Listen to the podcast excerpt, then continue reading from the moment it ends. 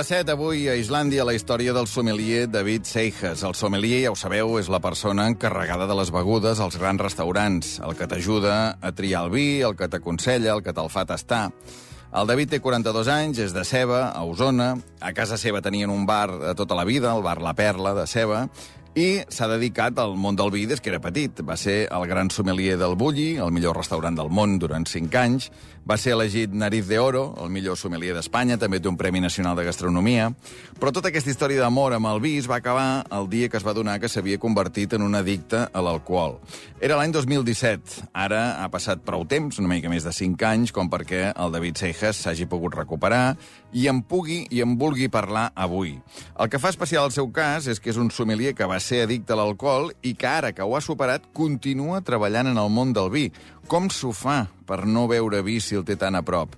La conversa que sentireu amb David Seijas la vam tenir precisament a Ceba, al celler familiar, envoltats d'ampolles de vi.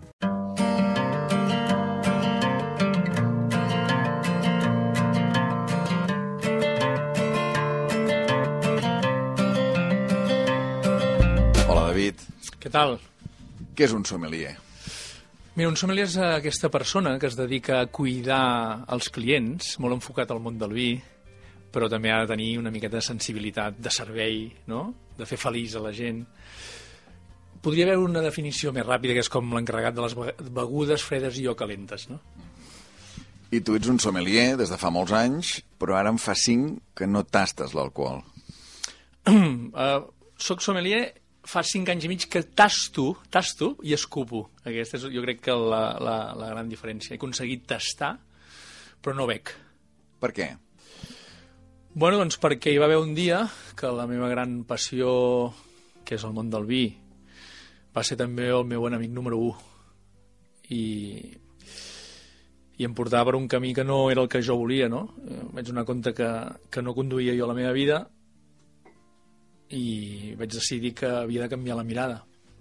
Per tant, uh, això, no? Dius, hòstia, estic fent alguna no? que, que està molt ben vist i, i és, realment és un problema. Jo sempre dic una frase que al final uh, acabava sent jo un borratxo conegut quan hauria de ser un alcohòlic anònim, no?, una mica. Anem al principi d'aquesta història d'amor, si et sembla. Tu quan, quan t'enamores del vi? Doncs pues mira, uh, clar, el vi és un plaer adult, és un plaer adult. Um, no és fàcil enamorar-te de molt petit, perquè de petit tu vols ser moltes coses, no? Si preguntes, no? m'imagino que segueixen sent no? les mateixes que quan nosaltres érem molt, molt petits, no? futbolista, el bomber, el tal. Ara streamer, m'imagino. Exacte. Però, clar, això és un plaer adult. El que passa que jo he nascut en un bar. Jo he nascut en un bar. Però és la, la nostra mirada sobre el món del, amb l'alcohol i tal, doncs, clar, era molt diferent, ho teníem molt incorporat. I el pare, el pare eh, era de, la seva professió frustrada. Abans no es podia estudiar no, de sommelier, no t'obrien els cellers, no hi havia internet. Pues, eh, ell sempre em feia això de, de, de professor. Ell sempre volia que jo conegués algunes zones, no? Ara estem envoltats de vi, doncs hi ha vins de Rioja, de Ribera, que són les... Clar, aquest celler on, on m'has eh, diguem, on rebut és el teu celler, és el celler del teu pare? Aquest és el celler del pare, que, que jo vaig continuar, no? I, clar, és això, ostres, eh, prova això, tasta allò, sempre... Amb quina edat et feia tastar vins? Nosaltres tastar, eh? És a dir, sempre amb, amb, amb molt de carinyo, tastar des de molt, molt jovenet. Que, de fet, jo crec que també és un, un dels dons que tinc, és que tinc pues, una sensibilitat molt especial amb l'olfacte, no? amb, amb, amb el tast, que segurament també és perquè ho, ho he desenvolupat de molt petit, no? Pot ser una mica morodi, no? I de molt petit, jo crec que 10-12 anys començava a tastar algunes coses, no a veure tastar, i després ja d'adolescent pues sí que ja, ja va venir alguna copeta i ell va... Quin va ser el primer? Recordes el primer vi que vas tastar? Via pare o via ja tu sol després? Mira, via pare eh, recordo aquests, eh, aquests Rioja clàssics que ara tornen a estar de moda i que podria ser el Riscal, no? Eh, el Riscal, podria ser un Tondonia, podrien ser aquests vins clàssics que ara, que ara tornen a treure al cap i que tinc uf, això, molt bon record, no? Sobretot de la història que hi ha darrere, no? del paisatge, de totes les, les paraules que ell boniques em, em deia, no?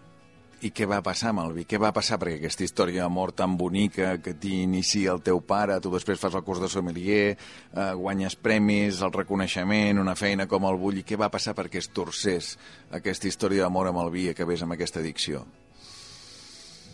Pues, eh, clar, el que et deia, això, tu no prens consciència d'això. Nosaltres, la restauració, la gastronomia, el món del vi, jo sempre dic que és un dels mons més bonics, més bonics, més bonics que hi han. Ens ho passem molt bé, és molt bonic. Eh, també és una mica perillós, no? Després, eh, nosaltres, això, eh, els horaris també, no? Treballar fins molt tard, amb molta pressió, i sempre explico, tu quan acabes d'un restaurant a les 2 del matí, on vas? No? A dormir bueno, amb tota l'adrenalina que portes, ja tu no pots anar ni al teatre, no hi ha els cines, no pots, el teu oci sempre s'acaba molt, molt semblant, no? els mateixos llocs. Per tant, això és un factor també també important. I és el que et dic en el dia a dia, no? Tasta això, prova això, mira que bé, va, anem a veure aquest celler, anem a sopar, pum. Tu no te'n dones compte i vas incorporant aquest hàbit de, de veure cada vegada més, és divertit, hi ha coneixement, hi ha història darrere, el que et deia, no? Acabes, ostres, estàs fent una professió que a més ets reconegut, no?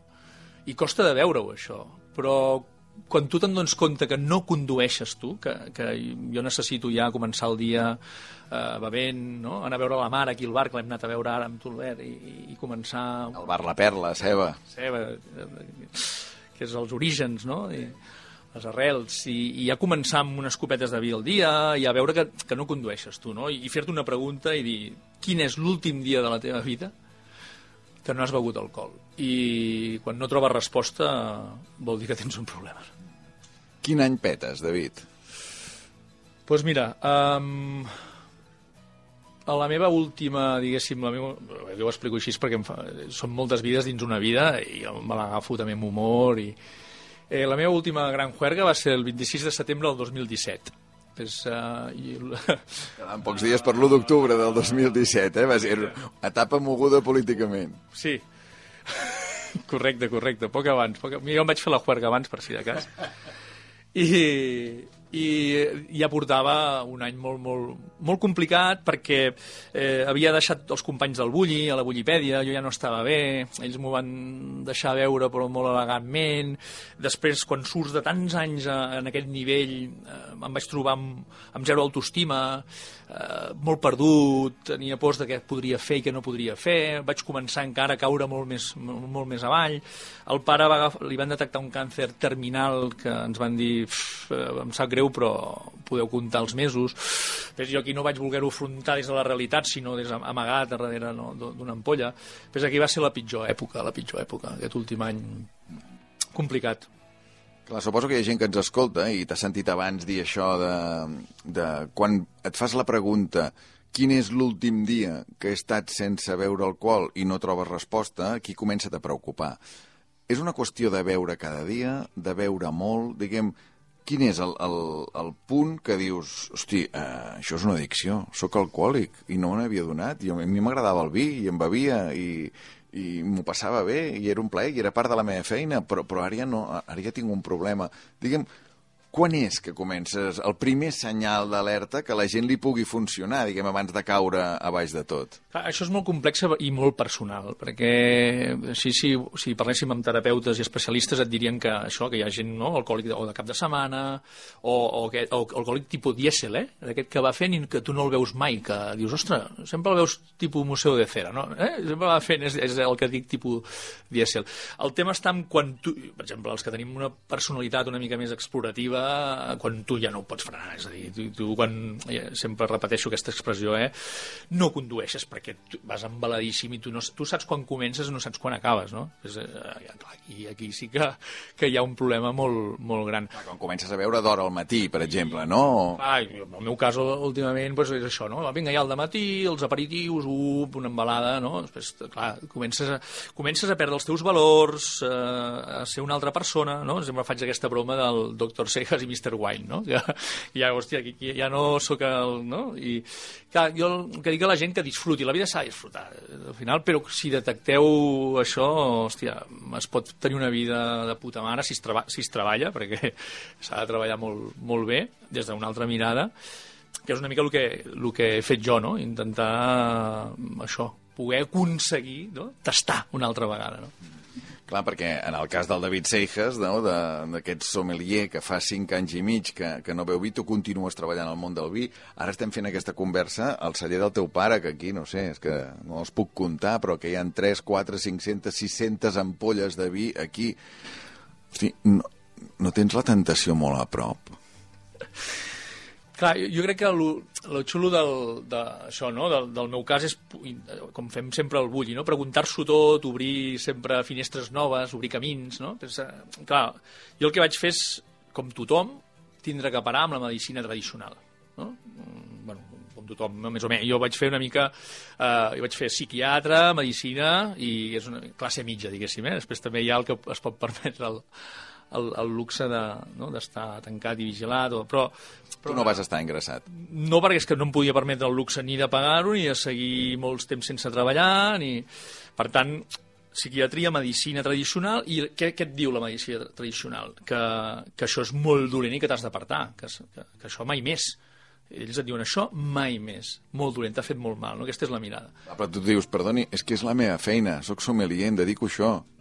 Clar, I aquí està la gran pregunta que et fas. No? Jo crec que al principi això va molt bé, perquè això para, stop, pares, i, i una medicació que funciona, però jo als 13-14 mesos em començo a qüestionar tot això. De dir, ostres, a mi la mirada que m'estan proposant no m'interessa, perquè la meva passió és el món del vi. Si jo em dedico a una altra cosa, que no sigui el món del vi, vol dir que l'alcohol m'ha guanyat a mi. Jo sempre faig la comparativa aquesta una mica de, de Seven, no? Seven, el, el tio del final el pelen, però guanya la ira, no? Ves, jo dic, hòstia, a mi l'alcohol no vull que em guanyi, guanyo jo. Ves, començo a mirar com podríem tenir una altra mirada, no? I és quan començo a treballar amb una això, grafoterapeuta, que és la Montse Parelló, que és la que encara m'acompanya dia d'avui, de com podem fer aquesta nova mirada, no? Des del centre... Però el vi, David, que t'ho havia donat tot, no? que, que et havia donat premis, et havia donat reconeixement, et havia donat aquesta feina al millor restaurant del món durant cinc anys al Bulli, que tu eres l'encarregat de les begudes allà, va estar a punt si no t'ho va fotre tot en l'aire. Mm. Diguem, també una opció és dir, escolta, no vull saber mai més res d'aquest món, s'ha acabat. Sí, però ja et dic, soc molt capgros i, i m'agrada molt això, el paisatge, la gent, i no sé fer res més. I, I, a més a més, jo estava fent la meva empresa, o sigui, Gallina de Pale Wines, la primera barema és el 2016, no? I, jo dic, això vull tirar endavant, no? I, i, i també tenia un gran referent, per exemple, que és el John Frusciante, i a mi m'agrada tocar la guitarra, i, i és el guitarrista del Red Hot Chili Peppers, i, i és, bueno, d'addiccions inclús doncs, heroïna, destrossadíssim, però torna als escenaris sense consumir. I, i els seus companys segur que segueix. I jo dic, hòstia, jo, jo aquest tio em flipa, dic, haig de fer alguna molt semblant. Però aquí la idea és de dir, jo crec que si tu et diuen mai més pots fer això, és molt més difícil que que si tu et poses uns objectius, diguéssim, una miqueta més fàcils d'aconseguir. En el meu cas, crec que poder tastar, poder seguir vinculat en aquest món que és el meu, m'ajuda molt més que, que si m'hessin separat a l'altra banda. Però llavors com ho fas al dia a dia? Perquè, clar, tu et dediques a això, tu tens uh, això, aquest gallina de piel wines, no?, que vens vins diferents, que, que diguem, de, de zones vinícoles diferents i que els comercialitzes tu. Per tant, eh, tot es ve d'anar, que no sé, festes, eh, sopars, on hi ha vi i, hosti, tenen el David Seijas allà, que és el màxim expert. Hòstia, Mm, ja veuràs, tasta aquest vi, veu això. Què fas? Com, com, com, com t'amagues? Pues aquest és un procés d'aquests últims cinc anys. O sigui, al principi, tu has dit la paraula, t'amagues. O sigui, al principi jo desapareixo del mapa. Ja no veig més l'Albert Dom, no? ja no desapareixes, ja no vas en aquestes festes.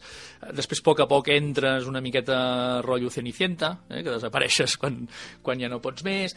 Després eh, comences passant una miqueta malament, perquè és això, és, és una mirada equivocada, perquè dius, mira, ells veuen, jo no, o sigui, aquest és un procés. Jo he fet, eh, he tingut clients importadors que em volen comprar el vi i he tingut que fer trampes jo amb el meu company, compinxat, el Ferran Sandella sempre és el que, el que m'ajuda sempre, no?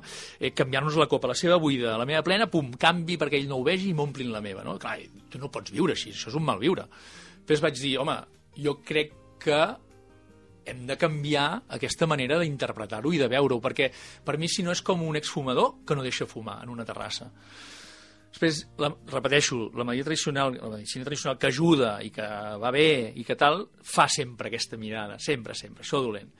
però jo penso, si tu no pots dormir amb una ampolla de vi a casa, ho tens molt malament. Mira, ara estem rodejats, no? Però aquí és un... Cap problema, eh? Perquè, clar, és que jo m'imaginava, posats a fer comparacions, tu feies aquesta del, del fumador que no deixa fumar, eh, és com el ludòpata que treballa al casino. Doncs pues mira, és, és una gran, gran metàfora que no havia... Boníssima pues és una mica... El... No, no, vull dir que, que té un gran valor, David, perquè dius, hosti, jo crec que té més valor que tu estiguis en aquest món i que portis 5 anys i mig sense beure alcohol que no pas que te n'hagis allunyat, no? No, jo, nosaltres estem contents d'això, perquè hem aconseguit que no ens guanyi l'alcohol, no? Però, a part que és que és això que dius, jo vull estar aquí, jo no, o sigui, eh, per mi és, era un mal viure no, no seguir vinculat amb tot això i, i mirar-t'ho malament, no? Per això poder tornar a tastar per mi va ser la clau de dir tastar i això tothom que ho escolti que no, eh, no lo hagan en sus cases, saps? Lo que diuen. Per què? Perquè aquí hi ha molt treball a darrere. Nosaltres hem treballat la corteza prefrontal, les decisions des del centre, això que amb una mirada no malalt, tot això, per què? Perquè pugui jo disfrutar, tastar i escopir. I això no és fàcil, és el que t'estic dient. Jo també tinc un avantatge, que és que els sommeliers eh, ho portem incorporat, el de tastar i escopir, no? Perquè ho hem fet tota la vida, va, tastes 50 vins amunt de matí, no? Intento ara tastar molt menys, eh? Perquè sempre hi ha una petita dosis que, que, que, que lògicament eh, traspassa, no? I, I el que passa que hem vist que pot ser una, inclús una, com terapeuta no és una dosis que pugui despertar la, la malaltia, no? Perquè això també em, em, em preocupava. Però jo crec que aquest és el gran, la gran mirada diferent que hem aconseguit, no? Una mica bulliniano, també, no? Tot això de, de hòstia, qüestionar-t'ho tot. Jo em vaig qüestionar per què collons m'havien de fer fer aquesta mirada tan tradicional, no? Uh, expliquem el primer dia, perquè devia ser un dia molt important. El primer dia que tornes a tastar i escopir un vi, no? El primer dia que un, un, allò, gotes de vi t'entren a dins, a dins la boca. Home, sí, sí, eh, nosaltres el que fem sempre és posar-nos molts focus, molta mirada, no? Eh, per exemple, fent aquesta entrevista m'estic posant focus i mirades i ulls a sobre perquè jo demà no, no foti l'imbècil, no? Pues amb això igual, tot, tot sempre, els primers passos sempre són envoltats de molta gent d'amics testadors, de, de gent que sap, no? o de família, de la parella, que saben que en aquell moment no? tu estàs tastant i amb això, amb, amb consciència, no? des del centre que dic sempre. Eh, cert que la, la tentació al principi és, és potent, perquè... però això, intentant destil·lar l'alcohol i quedar-te tot l'altre, que és lo bonic, mmm, ho he pogut aconseguir. I ara tinc zero tentacions. Jo ara és com un robot supermecànic. Tasto escupo, tasto escupo, tasto escupo. David, s'hauria de prohibir l'alcohol? No, no s'hauria de prohibir. Jo crec que és com tot, en, en mesura. Què passa? Estem en un país que... Molts, bueno, de fet, ja comences a mirar, hi ha, hi ha molts països, eh? però està molt arrelat, no? I, i és part de la, de la cultura, de les festes, no? Ara eh, nosaltres eh, quedem per prendre alguna cosa, vull dir, està molt, molt arrelat, no? Ara venim del bar de la mare ja està molt acostumada a servir eh, un cigaló a les 8 del matí, no? Eh, és com tot, és la mesura, jo crec. És la mesura i sobretot detectar que quan, quan tu veus que no controles, eh, posar-hi fre, perquè després sí que que transforma una persona que no, que no és agradable, perquè, perquè és així. Ara, jo crec que, que prohibir-ho no, ser, no, no seria cap uh, solució, perquè hi ha molta gent que ho fa això, no? amb, amb serenor, amb la tranquil·litat de, de, de tastar, de gaudir, de, un dia puntual a la setmana, una copa en un moment molt xulo gastronòmicament, no? que també es parla de gastronomia. Per tant, és això, jo crec que és molt personal, i que cadascú s'ha de saber no? dosificar. Tu vas tenir una addicció a l'alcohol perquè eres sommelier? Mm. Aquesta és una gran pregunta. El, el Pedro Ballesteros, que és un Master of Wine molt estimat aquí, a, a, bueno, a, a nivell d'Espanya, no? eh, fa aquesta pregunta també en el seu últim llibre, no? i diu, pot ser una malaltia professional? Deixa aquesta pregunta oberta. Eh, jo crec que en el meu cas eh, hi ha molts factors. No? Un, podria, un podria ser aquest, no? estar ben vist, que divertit, que bé, ostres... I a més que ens agrada, no? som del morrofí. La gran diferència amb altra gent que veiem és que nosaltres, com a mínim... Però, però hi ha molts factors, no? El, el de la busca del, de la diversió, la busca del pla immediat, eh, ser més desenfadat, no? I, i aquest, aquest punt també que jo van sumant les petites coses soc també, eh, jo diria que hipermogut, eh, soc, no sé si TDAH, no ho sé, però, però el meu cap va a 2000, per tant, per mi també era una, una essència que em feia baixar totes aquestes revolucions, no?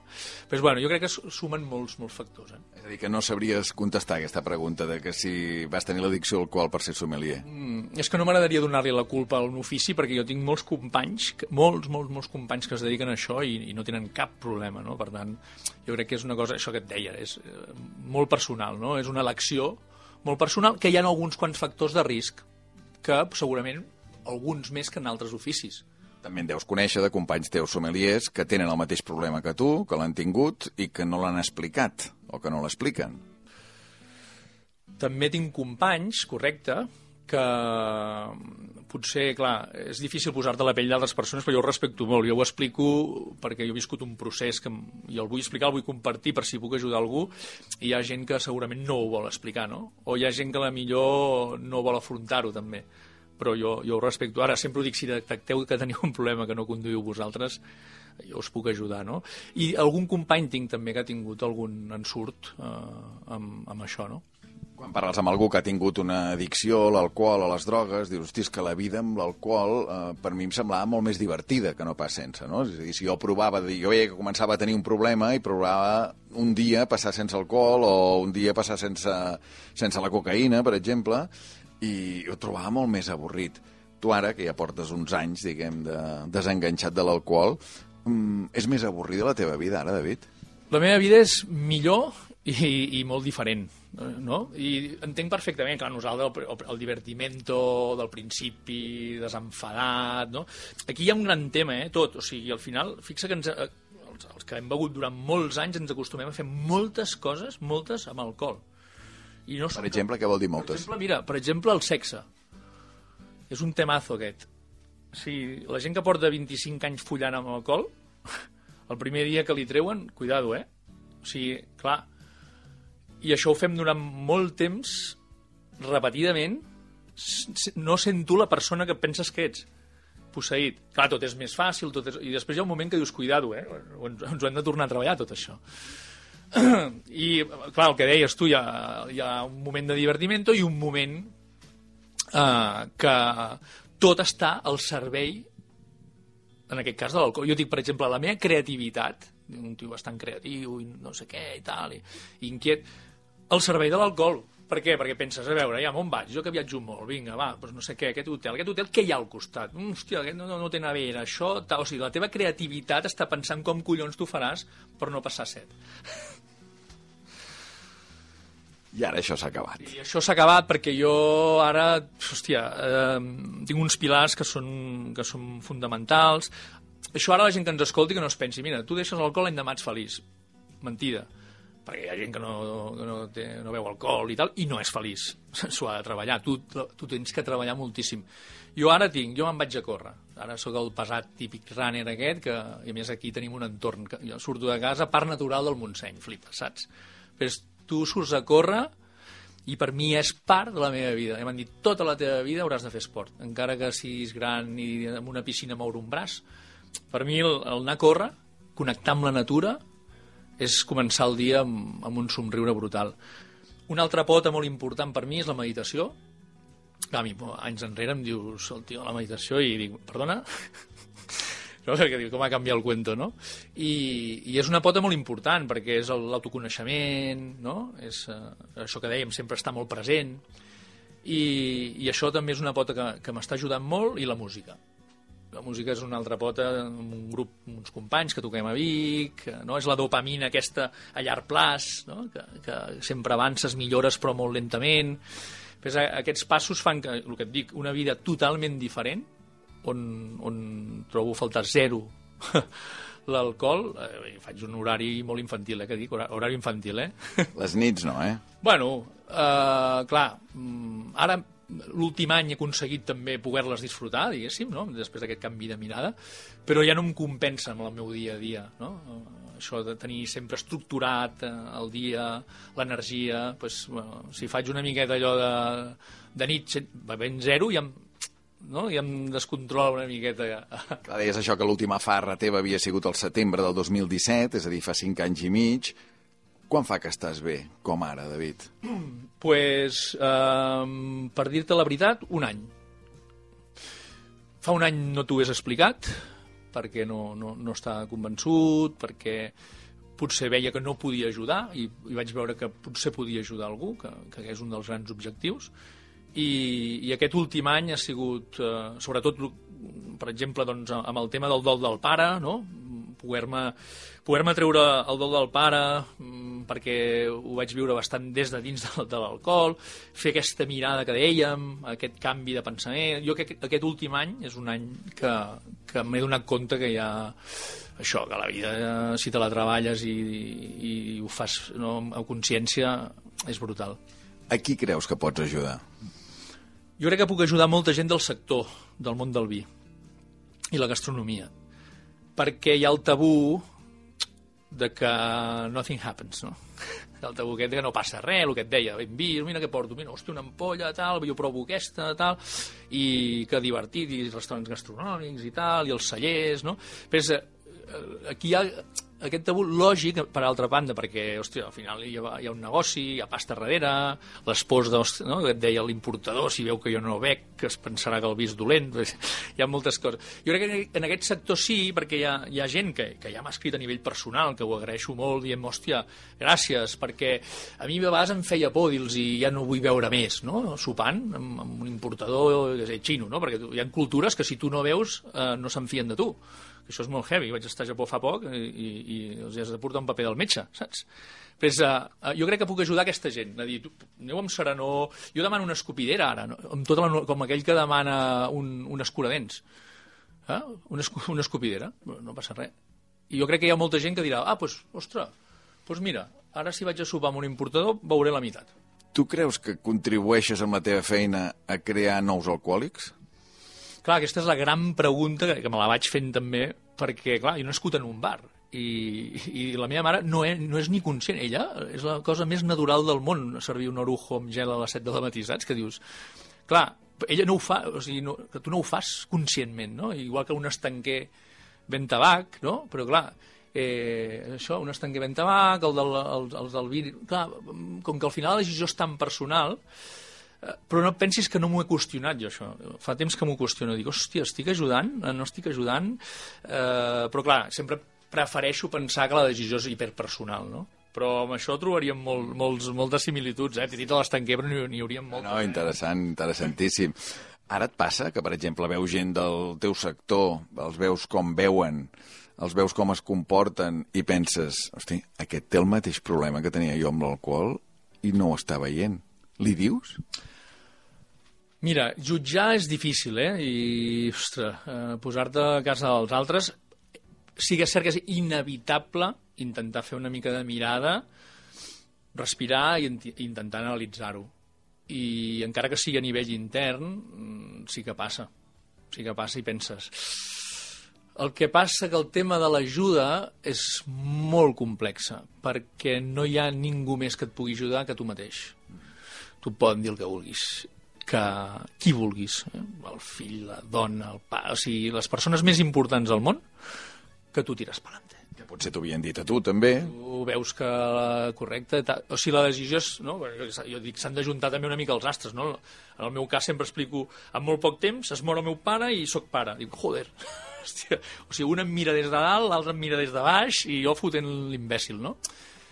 I, i un mateix, un mateix. Aquesta reflexió l'ha de fer un mateix. I després sí que és molt important que tingui gent que estigui el teu, aquest, aquestes mirades que et deia, no? aquestes càmeres que et poses tu inconscientment, que et mirin. Però tot té que venir des de dintre. Que bonic això, eh? Que un et mira des de dalt, el pare, l'altre et mira des de baix, el teu fill que acaba de néixer, però el pare, diguem, té més poder eh, quan no hi és que no pas quan hi és, eh? Fixa't, eh? El, el pes a la consciència el sents més quan és mort que no pas quan era viu i, i et veia, devia veure també com estaves. Pues, eh, totalment, no, havia donat moltes voltes i és una manera d'honrar-lo també i de jo portar-ho com molt, molt més net.